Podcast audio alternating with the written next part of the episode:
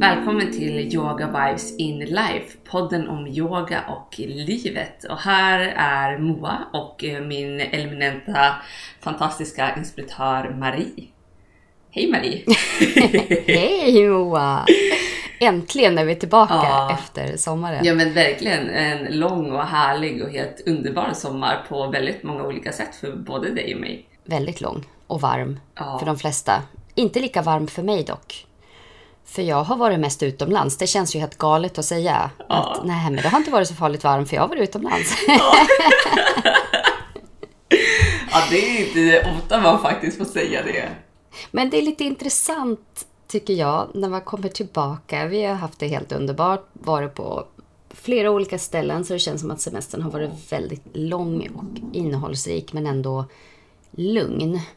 Just för att vi har varit på sådana ställen som vi har varit förut på, som man känner igen, som man direkt landar in i.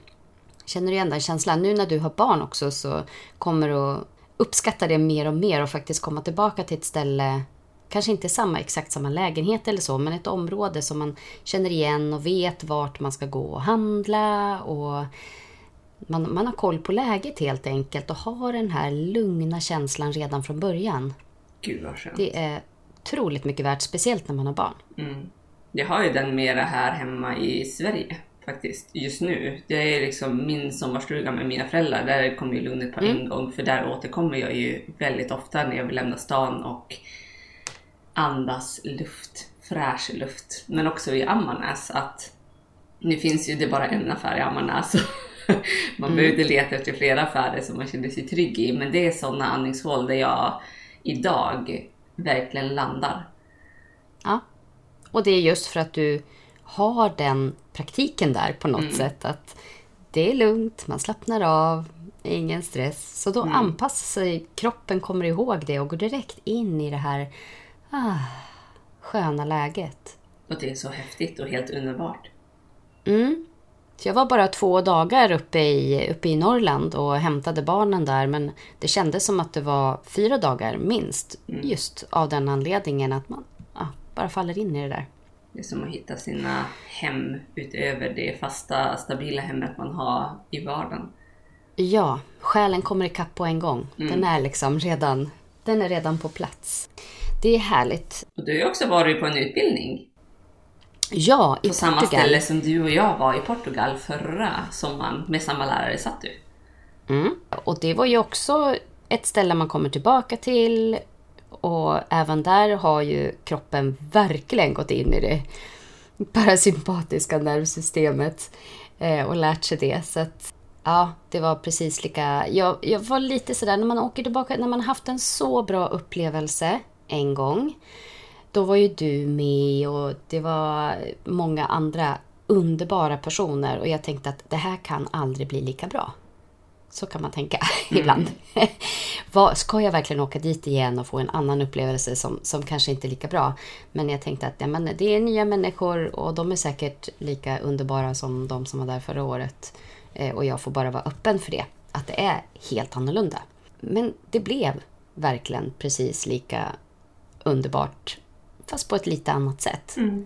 än vad det var förra året. Det är bara att öppna upp för, för nya människor och nya intryck. Och komma förbi den där rädslan att man ska förstöra någonting. För ibland blir det nästan det ja. att man begränsar sig själv. Man vill verkligen göra någonting. Men man vill inte förstöra mm. tidigare minne. Nej, precis. Men det blir bara nya minnen. Det behöver mm. inte förstöra det, det gamla. Nej, men precis. Så har man utökat den här hjärtefamiljen ännu mer. Och sen var jag ju där tillsammans med helt fantastiska Erika som vi känner båda två. Mm. Heart Buddy, du är min yoga wife. Mm. Hon är min heart buddy. Också utbildningen som vi gick då hette ju Heart och handlar om eh, filosofi. Yogisk filosofi, tantra. Och den var superbra, verkligen. Tillsammans med eh, Mike som har studerat i, på Oxford University mm. filosofi. Och han är väldigt, väldigt tydlig, bra, bra blandning. Otroligt nöjd är jag. Mm. Och så Lissabon. Oh, du är helt så härlig stad. i Lissabon. Ja, ja, så härlig stad. Ska man åka till en stad så, ja. Det är en av mina favoritstäder. För just att man har det där lilla... Mm, de här små gatorna och det lugnet. Det känns inte som en storstad riktigt så när man är mitt i center där och går runt på de här små gatorna och små hål i väggen. Och det är en lugn, tycker jag, känsla i det. Mysigt. Otroligt vackert med alla färger och gatustenar och konst på gatorna. Människor är avslappnade, tycker jag i alla fall. I alla fall där, de jag har träffat. Jag har hört annat också. Men eh, det, humor, det gillar jag. Själv, självdistans och humor. Men det är min, min upplevelse. Mm. Men du, med dig då? För dig har livet ändrats ganska drastiskt. Ja, jag tycker inte att det har varit så drastiskt som man hade kunnat tro att det skulle vara. Utan det var ju... Jag är ju som sagt fött barn och i, i, han är sex veckor gammal nu och det känns som att det är så himla naturligt. Allt har känts så naturligt. Det var så många som berättade att man skulle få uppleva den här urkraften under, under förlossningen.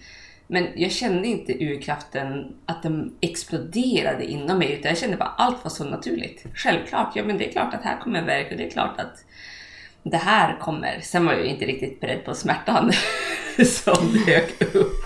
Jag som har promotat att det ska inte vara något smärtstillande och jag ska, ta, jag ska andas mig igenom det här och det gick ju inte alls. Så jag tog ju både lustgas och eh, EDA, epidural, som var helt fantastiskt. Då kunde jag andas mig igenom det och bli närvarande igen. Så det var en häftig upplevelse tycker jag. Och det, när han kom ut, jag bara, det är självklart att han är min son. Och sen dess har det ju bara rullat på i samma veva att han är hur mysig som helst. Givetvis har vi våra utmaningar att lära känna hans personlighet och lära känna hans behov så att man kan tillmötesgå dem så mycket som möjligt. Och innan man har gjort det är det ju mycket gråt och skrik och man blir stressad för att man vet inte hur man ska hjälpa han. Men det börjar landa mer och mer, skulle jag säga. Så det känns inte som att det är så stor förändring, för jag har ju varit gravid i nio månader innan. Jag har ju mentalt förberett mig på det här. Och det känns så självklart. Mm. Du har inte den här känslan, vart tar tiden vägen? Vad gjorde jag med all tid innan jag hade barn och så vidare? Nej, jag vet exakt vad jag gjorde. Jag... men det kanske kommer. Alltså, det är klart att han upptar all tid, men det är därför jag skaffade barn. Jag kände att jag var redo att ge en annan människa min dedikation och min uppmärksamhet till den nivån som han behöver. Så för mig så var det efterlängtat. Mm. Det låter helt underbart. Mm. Rätt inställning. Mm. Mm. Ja, men du känner inte så här att du piskar dig själv på ryggen för att du tog den där epiduralen. Jag hade ju sagt nu att... Nej, gud nej. Mm. Alltså jag är så himla öppen för vad livet har att erbjuda. Man kan ju ha en plan och givetvis, jag hade en plan. Jag tänkte bara shit, det, det kommer bli så härligt och jag har hört så många som bara andas sig igenom det och tycker det är superhärligt. Och jag grät ju i toppen av verkarna för att det gjorde så fruktansvärt ont. För jag blev igångsatt och då går det ganska fort. Så från inga verkar fick jag 3 till 4 verkar på 10 minuter och det var så, verkligen som en käftsmäll. Och eh, då kände jag att nej, men jag behöver någonting för att kunna vara närvarande och lugn. För jag blev så himla spänd och kroppen motarbetade nästan förlossningen för att jag kunde inte slappna av. Mm. Så när jag fick smärtstillandet, jag kände hela tiden att det här, det här är den enda vägen. Och det hjälpte så ofantligt bra. Då kunde jag bli närvarande, då kunde jag bli avslappnad, då kunde jag lyssna in barnmorskans råd. För det var det du var rädd för. Att om du skulle ta smärtstillande att du skulle försvinna bort. Ja men precis, att jag skulle domna bort. Men det vart ju precis tvärtom, jag blev bortdomnad av smärtan. Ja. Så det här hjälpte ju väldigt bra och jag har aldrig känt prestige inför att jag skulle ta smärtstillande. Det var mer att ja, men jag vill verkligen prova och vara inställd på att inte ta smärtstillande. Sen finns ju dörren alltid där som tur är. Ja, och man, eh, det är just det här som är faktiskt viktigt att man kan ha en plan. Det är även med yogaklasser och så. Jag har ju haft en utbildning nu i helgen eh, tillsammans med Sato och utbildat våra sommarnauter. En jättehärlig helg. Men då pratar vi just om det här att man ska alltid ha en plan när du går in i, i yogasalen. Du, man, man vet vad man vill leverera men sen när man kommer in så kan det ju vara så att den här planen ändras beroende på känslan i rummet eller vilka som är där. Så alltid ha, alltid ha en plan men var beredd att gå ifrån den. Mm. Och inte känna är så att- prestige inför att nej, jag hade lov, lovat, det är väl konstigt men jag hade planerat Mm. det här och det skulle bli så här. Men det är ju så livet är. Och det märker man ju ännu mer när man skaffar barn. Jag vill bli den här föräldern, jag kommer ha de här åsikterna. Och så sen när man får barn, man bara pff, nej. det är så många fall man ska inte sova med barnen i sängen. Jag bara, det är så mysigt att ha han i sängen. Det är helt fantastiskt. Nu har han fått en egen säng efter fem veckor. Eh, så han sover bredvid. Men på morgonkvisten när han liksom är vaken och sånt så brukar jag ha honom i sängen. Och det hade jag som åsikt innan att jag ska inte ha barnet i sängen, det är inte bra. Du, du, du, du. Men alltså, Ja, men vem, vem säger det? Alltså Ja. var kommer den forskningen eller den... ja, det är ju ingen forskning, det är bara åsikter, det är det det sitter i. Och där måste man ju bestämma själv. Att ja, men tycker jag det är mysigt och helt underbart, det är klart jag ska ha honom i sängen. Men om jag får sömnproblem av att han ligger och eh, sparkar och rör sig och lever om, då kanske man bör tänka om. Men där Ja. är man ju individ och får bestämma själv vad man vill. Mm. För närhet är otroligt viktigt och just det här första året extremt viktigt att ge mycket närhet. Ja, beröring. Och det får man ju där i sängen. Men absolut, kan man inte sova själv. Våra barn sov ju själva i princip inte riktigt från början. Utan det tog nog några veckor innan de sov i sina egna sängar. Och då var det skönt för mig men ändå... Ja, jag skulle nog ha fått sova bättre tror jag om jag inte hade varit så envis med nummer två. Att han skulle sova i egen säng. Just det. Mm, för han trivdes ju... Ja, fast han var ganska stökig i sängen också. Så jag, ja, mm. Det är, svårt det att där. säga. Det är jätte- jättesvårt. Ja, Men graviditet och förlossning kommer ju in på dagens ämne. ja, Vilket är träning efter eh, graviditet. Oavsett vilken, vilket sätt man, man födde sitt barn på så blir bäckenbotten väldigt försvagad. Och det är väl det vi ska prata ganska mycket om. Vad är bäckenbotten? Hur påverkas den av en graviditet? Och hur, vad kan man göra efteråt för att stärka upp den? För en vaginal förlossning har jag läst sträcker ut vävnaden i bäckenbotten med 300 procent. Och tänk dig att du sträcker ut en muskel 300 procent, då kommer den att bli svag. ja. Och oavsett Och om kanske man... bristningar. Ja, bristningar, precis. Och oavsett om man födde vaginalt eller inte så bara själva att bära ett barn i magen sätter tryck ner mot bäckenbotten så att den blir svagare och mer uttöjd. Och du är ju jätteduktig på att träna det specifikt. Eh, jag ser på ditt Instagram, Moves i Norrland, hur du lägger ut små stabilitetsövningar och rörelse också för att verkligen stärka upp de här delarna. Mm. Jag tror att det är väldigt inspirerande. Jag hade en, eh, en elev som kom till mig, hon brukar lyssna på den här podden, hon kom till mig efter klassen och sa ja ah, men jag ser, eh, jag ser Moas Instagram och det passar även om jag inte, det var länge sedan jag födde barn och så, så, så passar det mig väldigt, väldigt bra för hon har problem med höfterna. Och just de övningarna är extremt bra när man har höftproblem också. Mm. För det stabiliserar ju musklerna runt om Mm. höfterna. Det stabiliserar inte bara bäckenbotten och det är ju det vi kommer att prata om idag. Att efter Mm. en graviditet handlar inte bara om att knipa varje dag, hela tiden, när du står i kö, när du ska på toan, när man ska göra vad som helst. Utan det handlar om så otroligt mycket mer än bara knip. Ja, absolut. Eh, när jag födde mitt första, alltså när vi tog det här ämnet och det känns väldigt självklart nu, så funderar jag på men vad gjorde jag efter? För jag kommer väldigt väl ihåg hur det funkade under graviditeterna och sen efter graviditeterna försöka fundera. Det är ju, det är ju 13 år sedan första gången och eh, nästan, ja det är nio och ett halvt år sedan med sista. Och jag kommer ihåg mer med sista för då hade, då hade Mamma Mage kommit. Den här appen Mamma Mage. Mm. Jag tror att första gången, för 13 år sedan, så fanns nog inte den. Men däremot så var jag ju självklart i träningsvärlden och hade koll på det här med blixtlåset bakifrån och upp. Men då var det väldigt, jag tror att speciellt första gången Så för 13 år sedan så var det mycket fokus på att man skulle kunna hålla så länge som möjligt. Man skulle knipa och så träna upp och kunna hålla längre och längre och längre. Och det var ganska hårda knip. Mm. Det, ja, det funkade inte för mig. Jag kände att det... Nej, det kändes inte bra helt enkelt. Så jag gjorde inte det. Utan jag gjorde nog mera som man rekommenderar idag. Att ta det lite lugnare, inte så hårda knip, kanske inte jättelånga. Så att man fokuserar bara på det här att, att aktivera muskeln. Utan att man fokuserar lika mycket på att kunna även slappna av i de musklerna. Mm. Och sen även då, tror jag för 13 år sedan, så tyckte man att man skulle göra plankan. Vilket jag inte heller gjorde.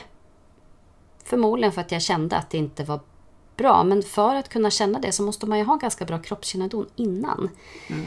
Och om man bara kastar sig in i det här så, och utan att ha någon kontakt överhuvudtaget så kanske man inte känner skillnaden. Mm. Och berätta varför man inte rekommenderar plankan idag till nyförlösta kvinnor. Det är ju det att magmusklerna, de raka magmusklerna som går från revbenen till eh, pubisbenet, de eh, separeras så att det blir som ett hål i magen. Man, man är fortfarande senstråk och fascia däremellan. Men magmusklerna som är så starka och stabila separeras. Och det gör att när man står i planka så kan ju så maginnehållet åka ner där och sätta ganska stor belastning på det här området. Så det är ju, har man bra kroppskännedom så känner man ju det här att nej, men det är något som hänger som inte ska hänga där. Och det är därför man ofta börjar liggandes på mage eller si, nej, liggandes på rygg eller sidliggandes när man ska börja hitta aktiveringen i magen igen för att man vill ha så lite belastning på de yttre magmusklerna, de inre magmusklerna som det bara går. Så att det blir lättare att hitta in och lättare att krama in så att man kramar in de här uthöjda stråken, till exempel transversus, den muskel som går som en tunna runt om magen. Den måste ju få möjlighet att dra samman med tanke på att den har ju varit ganska uthöjd för att barnet skulle få plats i magen. Och det är egentligen vår djupaste magmuskulatur, det som håller liksom paketet inne. Sen bygger man på med yttre magmuskler, sneda magmuskler och så de raka magmusklerna, det man brukar kalla för sexpacket. Eh, Alla fyra funkar ju. För då Alla får fyra, du precis. mera, mera stöd utav dina knän och man kan till och med dra bak sittbenen lite grann så får man ju ännu mera stöd om det känns som att det, om att det hänger ut. Men just den här transversusmuskeln då, som, du, som du pratar om är ju extremt viktig, inte bara för efter graviditet utan det är extremt många människor som har problem att hitta sina inre magmuskler då. Den här transversus som, som håller upp och stöttar hela kotpelaren. Och om man istället då kompenserar med andra muskler, så har man inte kontakt med de musklerna så kompenserar man med ryggmusklerna som är vid ländryggen. Det är psoasmusklerna, alltså höftböjaren, som man börjar dra och blir överansträngd. Så många gånger har man kanske ont i ryggen eller väldigt stela höfter, stel höftböjare för att man har överkompenserat med de musklerna. Och det är inte bara gravida kvinnor eller postpartum kvinnor då, utan eh, det är väldigt vanligt även bland män. Mm. Så bara att hitta de här musklerna. Ska vi, vi kan ge ett litet tips hur man, hur man hittar de här just transversusmuskeln kanske. Först och främst bäckenbotten kan du berätta lite sen vad du gör för övningar. Ja, jag har ju, jag tycker att Lofsans träningsböcker är väldigt bra för att de, de är så lugna att man behöver inte stressa, man tar det pö om pö. För har man inte en hel bäckenbotten, då bör man inte börja lyfta tunga saker. Mm. Givetvis, man kommer lyfta sitt barn, man kommer lyfta bilbarnstolen och liknande saker, men inte börja lyfta tung skrot så att säga. För bäckenbotten är ju så utpressad och uttöjd så nu vill man bara suga in den och suga tillbaka den uppåt. Och då pratar man ju bland annat om det här blixtlåset som du nämnde. Att man tänker att man ska lyfta från analen via mellangården upp till slidmynningen och sen går man vidare att man ska suga in magen och ända upp till revbenen. Och den ingår ju att man stannar inte vid bäckenbotten och bara gör den aktiveringen utan man går vidare till magen för att de här musklerna hör samman. Att när du kniper och lyfter, då lyfter du till viss del bäckenbotten men sen kommer magmusklerna komma in för att hjälpa dig att lyfta bäckenbotten ännu högre upp. Precis.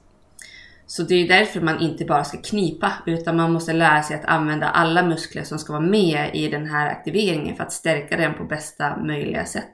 Där tycker jag att eh, vi fokuserade väldigt mycket på den andningen nu i HEART-utbildningen, Tantric Breath. Där man i princip i andnings, i pranayam, en av de första, den är väldigt, väldigt enkel.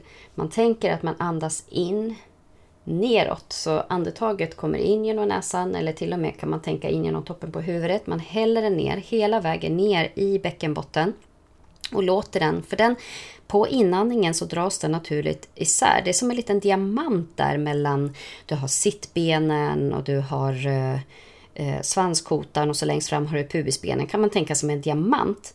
Och de här bäckenhalvorna sitter fast, faktiskt inte liksom helt fast ihop, utan de är två halvor som lite, lite, lite kan röra sig ifrån varandra.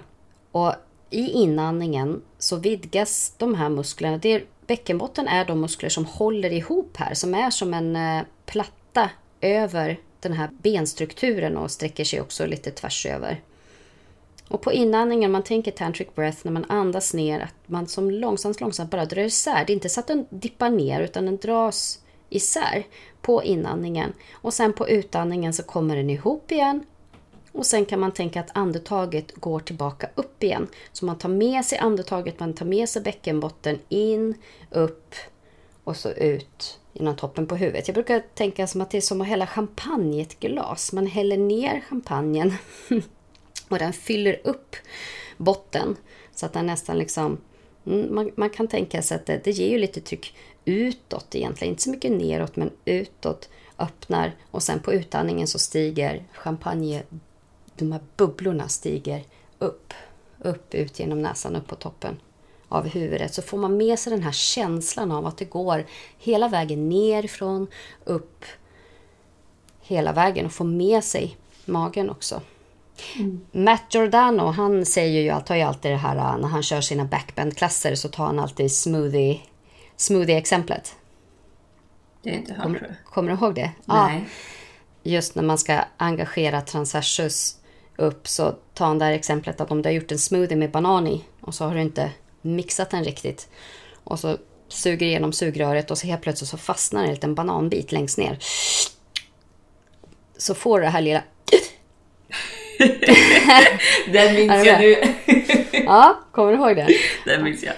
Och jag tycker att den funkar. Det kan bli lite för hårt. Så man eh, inte riktigt så där att man suger, suger jättehårt. Utan man är som bara lite sugen på den där smoothien. Den är, den är inte så himla god att man bara sörplar i sig den jättehårt. Men just den känslan av det här lilla lyftet som blir hela vägen upp. Då, för då, då får man den här känslan, inte bara nerifrån utan upp hela vägen. Mm. Håller du med? Ja, Eller håller absolut. Du... Nej men ja, definitivt. Mm. Ja, mm. För andningen som du pratar ju om just nu är ju en stor del av hur man ska jobba med bäckenbotten. Mm. Och den yogiska vägen är ju inte alltid gynnsam för bäckenbotten om man ser i alla fall utifrån eh, efter graviditeten. För som jag har blivit fostrad i vissa traditioner inom yogan så ska man hålla mm. mula banda, alltså man ska aktivera ja. bäckenbotten när man andas ut. Eller var det så? Eh, du, du tänker att man säger att när man andas in så ska Nej, man när man, precis, när man andas mm. in. Ja. Det här måste vi klippa bort. Annars blir det för förvirrande. Nej, nej, men det är faktiskt, det är, för det är förvirrande. För nu har du lärt dig det andra vägen. Mm. Men kommer du ihåg att första gången när du hittade den här andra, the tantric breath, eller liksom när man faktiskt låter aktivera och även när du börjar läsa om anatomin, hur det faktiskt funkar, så har du lärt dig den andra vägen. Men eftersom du har tränat så många år ändå med ashtanga till exempel. Mm. Eh, när man gör precis tvärtom. Och det är inget fel att göra så ibland heller för det ger väldigt mycket stabilitet om man ska hoppa fram eller om man ska hålla en bredbent position. Eller, det, det ger ju mycket stabilitet och det ger även eh, ett, ett eh, extra utbyte faktiskt av blod, blodbyte i, eh, i lungorna. Det, liksom, det blir ett större sug utifrån lungorna. Så det, det är inte helt fel att göra så ibland. Men det är inte det som är den naturliga andningen. Så vill man hitta den naturliga andningen som verkligen jobbar med bägge potten på det naturliga sättet. Då häller man ner, vidgar eh, på inandning och på utandning suger upp. Men det är, väl, det är därför det är många som gör tvärtom och tror att den naturliga andningen är tvärtom för att man är så fostrad i det här att mullabanda ska vara på, på inandning. Mm. Men det och så tar man viss... ogärna banda på utandningen, alltså att man spänner magmusklerna. Och som jag sa innan så kan man inte spänna magmusklerna. Alltså magmusklerna är ju involverade i bäckenbotten. Mm. Så bäckenbotten får ju aldrig möjlighet att slappna av fullständigt utan den kommer ju vara lätt aktiverad hela tiden. Och vi behöver en bäckenbotten som kan slappna av och som kan dra samman, som kan släppa, mm. som kan dra ihop. Och inte mm. konstant är så stenhård som betong. Nej. En muskel ska ju kunna både spännas och slappnas, slappna av för annars gör den ingen nytta utan då är den bara stilla. En muskel är ju där för att kunna flytta på skelettet från mm. en position till en annan. Och är den hela tiden i ett spänt läge så, så kan man inte använda muskeln så som det är tänkt. Precis. Så jättebra. Men har du några fler tips på övningar? Jag tycker att för att hitta den här transversusmuskeln också så kan man ju ligga på rygg och sätta fingrarna på höftbenen det här liksom som sticker upp där längst ut på. Och sen för man in fingrarna en och en halv centimeter och så ner en och en halv centimeter så, så hamnar jag på den här troskanten ungefär. Mm. ja, ungefär där. Och sen slappna av och sen försöka aktivera genom att då på utandningen dra upp bäckenbotten och sen fortsätta hela vägen upp. Då kommer man att känna små muskler som poppar upp där i fingertopparna. Och då kommer man också kunna märka att när du aktiverar bäckenbotten mm. så kommer magen inte slå på först. Men när du ska lyfta mm. bäckenbotten då kommer du kunna känna att transversus kommer igång. Och ja. om du inte känner det så får du fortsätta öva tills du börjar mm. känna det. Att du börjar tänka i tanken att det är det här som händer. För då kommer musklerna så småningom att hänga med. Och det är därför det är så viktigt att träna det här faktiskt separat. Att göra det bara med andning, kanske liggande på rygg. Just för att hitta den här kontakten. Som, jag hade också en kompis som sa att ja, men hon, varje gång hon stannade vid ett eh, trafikljus så stannade hon och liksom gjorde lite knip för rumpan eller bäckenbottenlyft. Mm. eh, jag vet att Katarina Voxnerud som har skapat Mamma Mage och Mamma Mage-appen som är extremt populär och jättebra hon rekommenderar faktiskt att man åtminstone i början kör det här verkligen separat och inte när man är ute och går eller så. Mm. Naturligtvis så kan man ta in det lite då och då men så att man inte går med en spänd bäckenbotten hela tiden utan även kan hitta det här naturliga i det. För det, när man väl har hittat kontakten då sker det naturligt och man behöver inte gå runt och hålla på och lyfta och knipa och greja. Mm. Utan det är ju rörelse igen. Mycket stillasittande och Eh, att man inte använder sin ryggrad, att man inte använder sin rörlighet. Det påverkar de här musklerna på ett negativt sätt. Jag promenerade extremt mycket, kommer jag ihåg, med min, med min första son. Och jag hade min förlossning, jag fick krysta ganska mycket. Jag fick krysta... Eh, jag blev också igångsatt så det gick extremt fort. Det gick på två och en halv timme tror jag. Tre kanske. Oj. Ja. Men det blev jobbigt där ett tag inte från ett smärtperspektiv för mig utan det var bara det att jag fattade inte riktigt hur man skulle göra. Mm. Eh, och fick krysta och krysta och krysta. Så det kändes som att eh, säkert två veckor efter förlossningen så hade jag den här eh, reflexen att trycka ut och trycka mm. ner. Och fick jobba emot den hela tiden. Så det, för mig så blev det verkligen ett naturligt, eftersom jag kände så tydligt att det bara trycktes ner och jag var tvungen att lyfta upp igen så fick jag väldigt naturligt den här träningen tror jag. Mm. Ja men kroppen läker sig i sig själv. Men just att jag blev så medveten om det för jag kände det så tydligt. Att det var ett tryck neråt som jag var tvungen att motverka och bygga upp den här styrkan igen. Och det är ganska häftigt att kroppen kan känna det själv. Mm att kroppen, för djur går ju igenom samma process men inte tror att de går ut och kniper medvetet. Utan kroppen läker sig ju. Sen har ju vi ett helt annat liv än vad djur har som ställer andra krav på vår kropp. Bland annat att vi är upprätt. Och de flesta djuren går på alla fyra så trycket ner mot bäckenbotten är ju helt annorlunda för djur i jämförelse med oss. Och att det kändes också väldigt viktigt att börja lyfta för att få tillbaka musklerna typ där de var innan. Nu kommer ju ingenting bli sig lite ner igen på grund av en förlossning. Men man kan ju få tillbaka så mycket som möjligt. Och få tillbaka väldigt bra styrka. Det kommer inte se ut likadant. Sen vet jag inte om det kommer kännas likadant. Men att man får tillbaka lyftet uppåt. Jag tycker inte att eh, det har påverkat negativt på något sätt. Och man tror alltid att annorlunda ska vara dåligt. Jag förstår inte det. Att nej, det kommer aldrig, det kommer aldrig se ut som, på, som det gjorde tidigare. Det kommer aldrig kännas som det gjorde tidigare. Man bara, men det kanske känns bättre eller det känns annorlunda. Det behöver inte vara sämre. Stärker upp mer. Jag kommer ihåg, jag hade en kollega när jag var gravid med min första kille och hon var också gravid och sa att och hade fler barn innan och sa någonting om att ja men det är ju som att, det är som att trycka ut en basketboll och sen när man ska ha sex efteråt då liksom, ja men det är som att studsa runt där i lika stort som en basketboll. Jag bara oj oj oj, det kommer ju bli jättetråkigt. Men... det låter ju helt galet. Ja, och alltså det var, det var nog det värsta... Jag var, jag var lite orolig för det faktiskt. Att det skulle bli så annorlunda, att man skulle vara så uttänd och allt vad det var. Men absolut inte. Det är nästan så att man är starkare efteråt, tycker jag i alla fall. Men det beror ju på också att man har tränat upp de här musklerna kanske tillbaka eller bara haft en medvetenhet. Men att skrämmas på det där sättet, nej, jag kan säga att det, det, går faktiskt att komma tillbaka och kanske till och med vara ännu starkare än innan. Så strunta i sådana där dumheter. Ja. Så anledningen till att träna upp sin bäckenbotten beror ju inte bara på att man får ett bra sexliv för att liksom man hittar ett helt annat knip. Utan det handlar, för mig har det handlat otroligt mycket om att jag inte vill pinka på mig. Ja. Att det är så mm. uttöjt att det som håller och kniper om kring urinröret har inte hållit tätt. Jag minns Nej. när jag bytte blöja på Börje första gången, det bara rann och jag bara, vad är det som rinner? Och det var för att jag pinkade. Alltså jag kände inte ens att jag kunde knipa åt och stänga igen den kanalen. Nej. Och så är det ju inte längre, men jag pinkar ju på mig fortfarande när jag hostar, mm. när jag nyser. Um, och ibland om jag är väldigt pinknödig har jag svårt att hålla tätt för att jag orkar inte hålla emot. Så Nej. Och det är ju ett problem. Inkontinens är ju ett stort problem, inte bara för nyförlösta utan till och med för kvinnor innan man har blivit gravid eller fått barn och till och med personer som är äldre.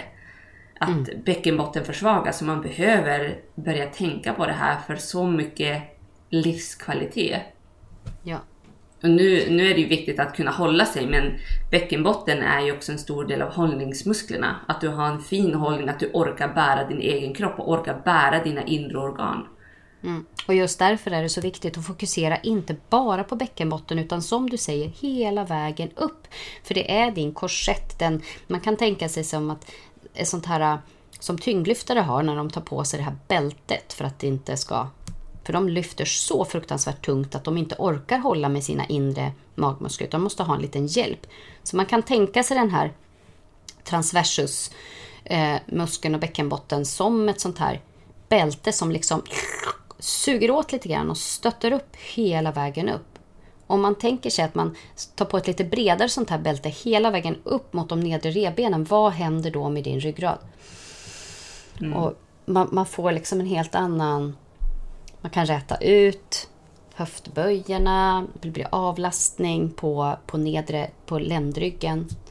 Så otroligt viktigt att inte bara fokusera enbart på bäckenbotten utan det är, det är en, hela kroppen är ju ett helt fantastiskt eh, vad ska man säga, maskineri som, som alla delar hör ihop. Det finns ingen del som inte är connectad på något sätt med en annan. Det, det ska funka som en, som en orkester. En liten flöjt kommer på här, ja men då slår mm. vi på stora trumman till slut någon helt annanstans. Så kroppen är fantastisk. Eh, och det sättet vi har tränat på väldigt många år är det här isolerandet av en muskel här och den ska jobba på det här sättet och isolera den för att hitta perfektion eller bygga eller vad det nu är. Men det vi går mer och mer tillbaka mot är den här funktionella träningen. Vi ska kunna vi ska kunna rotera, plocka upp någonting snett ner från golvet och sträcka upp det bakom oss på en hylla. Eh, inte... Har du sett det här Youtube-klippet med den här do's and, do's and don'ts i köket hemma? Nej. Han, Nej, vi, kan, vi ska lägga ut det då. Det var, det var lite roligt faktiskt. Eh, Inspirerat av crossfit och bodypump och allt det här. Liksom, hur, hur man ska Populära lyfta... träningsformer. Ja, hur man ska lyfta en soppåse till exempel. Mm. Det, blir, det blir roligt när det överdrivs så mycket hur man ska böja på benen och plocka upp. Och självklart så ska man göra det för att skydda ryggen om man har svag... Just om man har den här, en svag muskulatur för att stötta upp så kan man inte, då kommer man att göra illa sig. Eh, när man böjer sig snett ner och snabbt reser sig upp och lyfter någonting tungt. Då gör man illa sig. Men har man tränat upp de här, det ser man på gamla också, att när man ger dem, det är aldrig för sent, när man ger riktigt gamla människor rörelseövningar, att de ska lära sig att böja sig ner, ställa sig upp, eh, hitta balansen, så skadar de sig så mycket mindre. För att kroppen är beredd. Mm. Och att om man har en stark kärna som man pratar Mm. väldigt, väldigt mycket om så kommer man kunna böja ryggen och ta upp soporna. Alltså Ja. kroppen går inte... Alltså vi vi har en ganska inställd bild på raka linjer. Mm. Rak rygg, 90 grader i knäna. Men man gör inte illa sig om man har en krummad rygg. Sen beror det givetvis hur ofta gör du det här? Hur ofta går du ut med soporna? Kanske inte varje dag. Kanske inte så tung belastning heller. Så. Men om man gör illa sig i den rörelsen, då måste man verkligen backa tillbaka. Då kommer det inte räcka med att när jag går till gymmet och pumpar rygg, utan då måste du gå tillbaka vars ha- orkar jag hålla min egen kropp från början. Det beror på hur tunga soporna är också. Jag, jag tänker ju vanliga sopor. Jag, jag vet inte, betongsopor kanske någon går runt med. Sådär. Men att back to basic, och det är verkligen basic att prio ett är att du ska kunna göra de här övningarna utan belastning. Liggandes på rygg, sidliggandes, fyrfota, så småningom stående, så småningom lägga på vikt. Men att man måste backa tillbaka så att man känner var, vars är de här musklerna? För det tar ganska lång tid att lära känna dem eftersom de sitter ändå så djupt inne i kroppen. Och jag tar mycket på mig själv. Mm. När jag är hemma, jag bara spänner jag verkligen den här muskeln? Och då får man hitta sätt att, ja men hur, hur, hur kan jag känna om jag spänner den här muskeln? Ta på området. Då vet du om du spänner muskeln eller om du spänner skinkorna, vilket är ganska vanligt att man spänner rumpan när man ska knipa. Så man överkompenserar med större muskler för att det är svårt att känna den inre muskeln. Och så ska man veta det att det tar ju olika lång tid för alla. Det är som med allting. Alla är olika. Så för vissa som redan har den här kontakten går det mycket snabbare att komma tillbaka. Du fokuserar på det eh, väldigt, väldigt medvetet. Så då förmodligen så kommer det ta gå lite snabbare för dig, men man vet inte. Det kan också vara så att du är så pass stark innan och har fått en... eh, Nu vet jag inte hur stor din diastas är, men det, det, det kan också ta längre tid då faktiskt om man har varit väldigt stark innan. Så man får ha tålamod helt enkelt. Och, och känna efter. Har jag kontakt? Känns det här bra? Och inte vara rädd heller. För mycket det här skapar ju rädsla. Att, eh, ja, men det är farligt, jag får inte göra plankan. Oj, vad kan hända då? Kan magen ramla ut? Nej, men det kan ta längre tid att komma tillbaka om man börjar för hårt. Precis, att det blir för tung, för, för tung belastning. Och exempelvis, jag väntade ju sex veckor med att börja med något annat än promenader och de här övningarna. Och det jag började med var spinning. Och spinning är inte speciellt påfrestande för bäckenbotten. Det kan däremot vara påfrestande för bålen. Att man måste orka hålla sig i den positionen när man lutar sig över styret. Men jag tog det ganska lugnt och kände efter att nej, men jag orkar hålla. Och därför fortsätter jag. Men jag har inte börjat med en viktträning där jag lägger på vikter på kroppen. För att jag känner att nej, men jag, vill, jag vill kunna hålla min bäckenbotten. Och känner jag att jag tappar min bäckenbotten då måste jag backa tillbaka igen. Och det är ingen fara med det. Men om jag skyndar mig då kommer jag säkert ha inkontinen- inkontinensproblem resten av livet. Om jag tycker det är viktigare att lyfta 100 kilo i marklyft än att ta hand om min bäckenbotten och successivt bygga mig dit. Det låter jättebra. Har du några avslutande bra tips? Det finns så många. Ja, men Ja, dina men bästa, det- dina favoriter. Ju mina favoriter. Det är ju den övning som du nämnde då man ligger ner på rygg och stoppar ner fingrarna vid höftbenen och trycker ner dem några centimeter ner så att man kan känna av transversus. Och där gillar jag att ligga och andas Och den övningen tänker jag kan bli avrundad övning här också. Så jag kan beskriva ingående hur man ska utföra den övningen. Dels för att slappna av men också för att hitta aktiveringen. Och det är en ganska mysig avslappningsövning för det är inte så ansträngande att trycka ner de där fingrarna i magen och bara hålla dem och att ta de här få minuterna till att umgås med sig själv. Mm. För det är inte många minuter man behöver varje dag. Jag gör de här övningarna tre gånger per dag. Morgon, lunch och kväll. Vad och gör det du då? tar... Då, jag har ju dels Lofsans bok som jag följer, Mm. hennes bäckenbottenträning. Det, Lofsans underverk heter den boken. Mm. Sen har jag Lofsans mammaträning också, men jag känner att jag inte är riktigt redo att börja gå vidare i hennes övningar där än. Men det står väldigt bra beskrivet att ta det lugnt, gör det här, skynda försiktigt. Mm. Och då har hon ett träningsprogram där man går igenom kni, olika knip, styrkeknip, eh, uthållighetsknip och snabbhetsknip.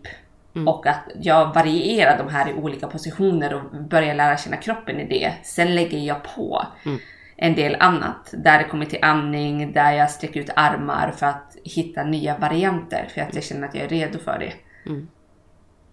Superbra. Men då har vi ett boktips. Absolut. Och länkar till Lofsans konto också så kanske hon kan man följa henne där. Mamma Mage finns ju även på Yogobi. Absolut. Och postpartum yoga. För yoga har jag gjort hela tiden. Ja. Men också ganska korta sekvenser och det är bara uppmjukande och andning. Väldigt lite stärkande faktiskt. Sen är det ju mycket bålaktivering, bäckenbottenaktivering i yoga generellt. Ja. Men då har jag vävt in de bäckenbottenkunskaper jag har i den yoga jag utför och sen fokuserar mycket på att mjuka upp bröstryggen, få igång cirkulationen. Så mjuka yogarörelser tycker jag har varit perfekt. Och kanske ligga i någon yin-yoga position bara för att slappna av och få bröstryggen att slappna av. Det kan man ju säga om yin-yogan där, att du har ju fortfarande några veckor efteråt, eh, ja det är lite olika hur, hur lång tid, Jag visste Det att det är stannar- till och med så länge man ammar. så länge man ammar har- ja. Mm, Att man har extra relaxin så att man eh, blir över mera rörlig än vad man egentligen... Om man blir rörlig i lederna. I musklerna blir du inte mer rörlig, men i lederna. Så yin-yoga kan du absolut göra, men du kommer säkerligen behöva mer stöd. Som bolster, klossar, filtar för att göra det mer avslappnande. Och yin-yoga handlar ju aldrig om att pressa dig, utan det handlar om att slappna av. Är det något mer vi vill säga? Just do it! det handlar ju om att få rutin på det. Alltså, jag gör ju det på morgonkvisten. Och så sen så, ibland så glömmer jag bort det för att det är mycket annat som händer under dagen, tro det eller ej, med en liten bebis. Ja, Det, det visste man inte innan man skaffade barn, att det tar tid att ta hand om ett barn. Och att de tar upp ens hela uppmärksamhet så.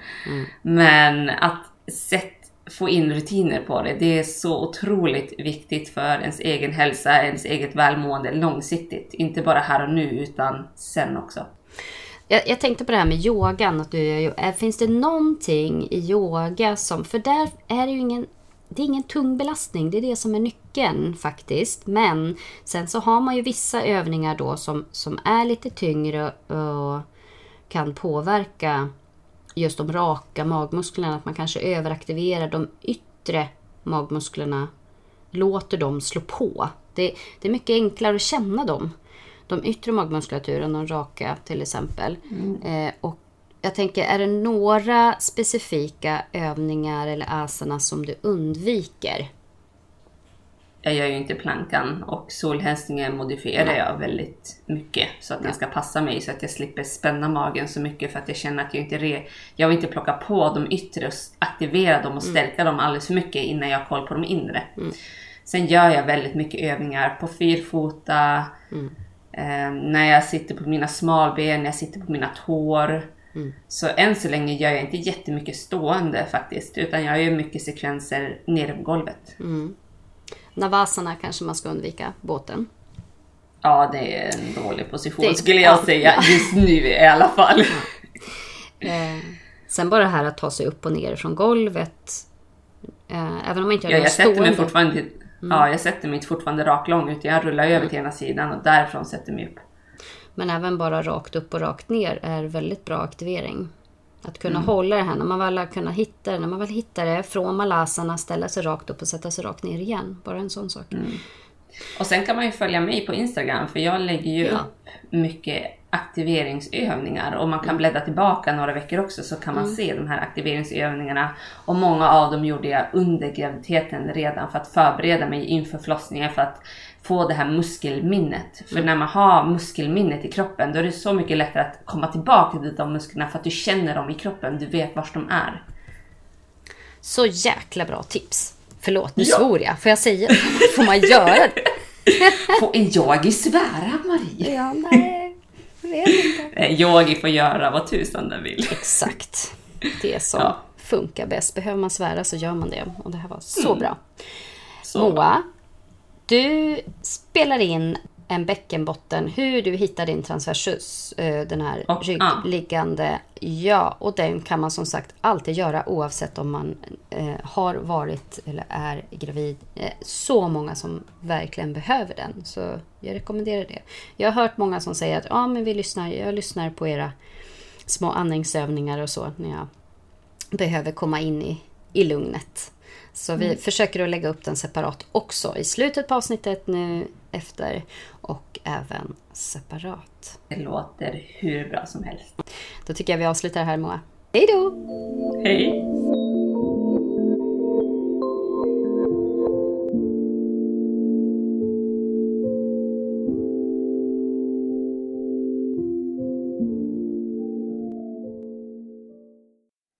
För att utföra den här övningen kommer du behöva lägga dig ner på rygg och placera fötterna ner i golvet ganska nära rumpan. Ungefär en par decimeter mellan rumpa och hälar. Och när du väl har lagt dig ner på rygg så kan du placera dina händer på dina höftben. Och när du känner dina höftben då kan du flytta dina fingrar lite innanför höftbenen och sen pressa ner fingrarna där. Och nu när du ligger ner ska du ändå kunna känna att det är ganska mjukt och det är ganska avslappnat där du håller dina fingrar. Och här kan du börja andas. Så när du andas in, slappna av i magen, slappna av i bäckenbotten och när du andas ut, slappna av i samma delar. Och gör det här några omgångar så att du verkligen får in andningen, att du kan känna hur magen expanderar när du andas in. Du kan känna hur magen drar samman när du andas ut. Och samtidigt som du andas så kan du börja föreställa dig hur din bäckenbotten också rör sig. Så när du andas in kan du tänka dig att bäckenbotten blåses upp som en ballong neråt. Och när du andas ut åker bäckenbotten tillbaka mjukt uppåt. Så när du andas in, bäckenbotten åker neråt. Och när du andas ut dras bäckenbotten uppåt. Så när du gör den här övningen så kommer du att ta med andningen i aktiveringen. För andningen är en otroligt stor del i dels din hållning men även i hur du använder din bålmuskulatur. Och till bålen hör ju givetvis bäckenbotten. Så på nästa utandning ska du få gå tillbaka till din bäckenbotten och när du andas ut då ska du få knipa kring anus, dra upp mellangården, lyfta vid slidan och så sen när du lyfter den sista biten ska du kunna känna att det blir en aktivering under dina fingrar. För när du börjar aktivera din bäckenbotten så är det först bäckenbotten som aktiveras. Men för att kunna lyfta bäckenbotten till sin fulla potential så kommer du behöva använda din bålmuskulatur och då är det transversus bland annat som du använder i det här lyftet. Så du får göra den igen. När du andas in så låter du bäckenbotten åka ner och slappna av. När du andas ut då går du som en dragkedja från anus via mellangården upp till slidan. Lyfter uppåt och när du väl börjar lyfta då ska du kunna känna trycket under dina fingrar, att det blir en aktivering av dina muskler. Och när du andas in då slappnar du av i hela det här paketet och så fortsätter du det här några omgångar.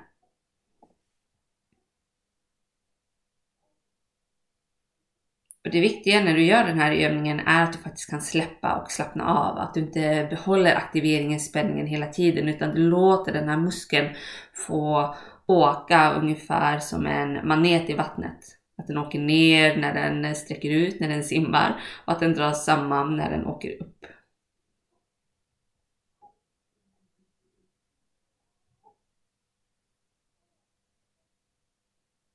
Och nu när du har haft dina fingrar vid dina höftben så kan du lägga dina händer på magen, just nedanför naveln.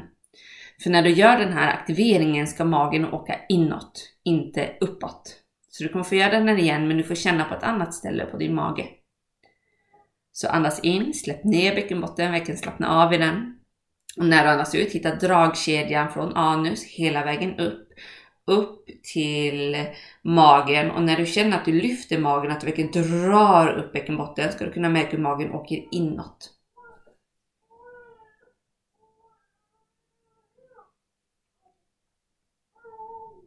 Och gör det här några omgångar i egen takt för att börja lära känna din kropp och känna efter var har jag mina muskler, vilka muskler är det som aktiveras.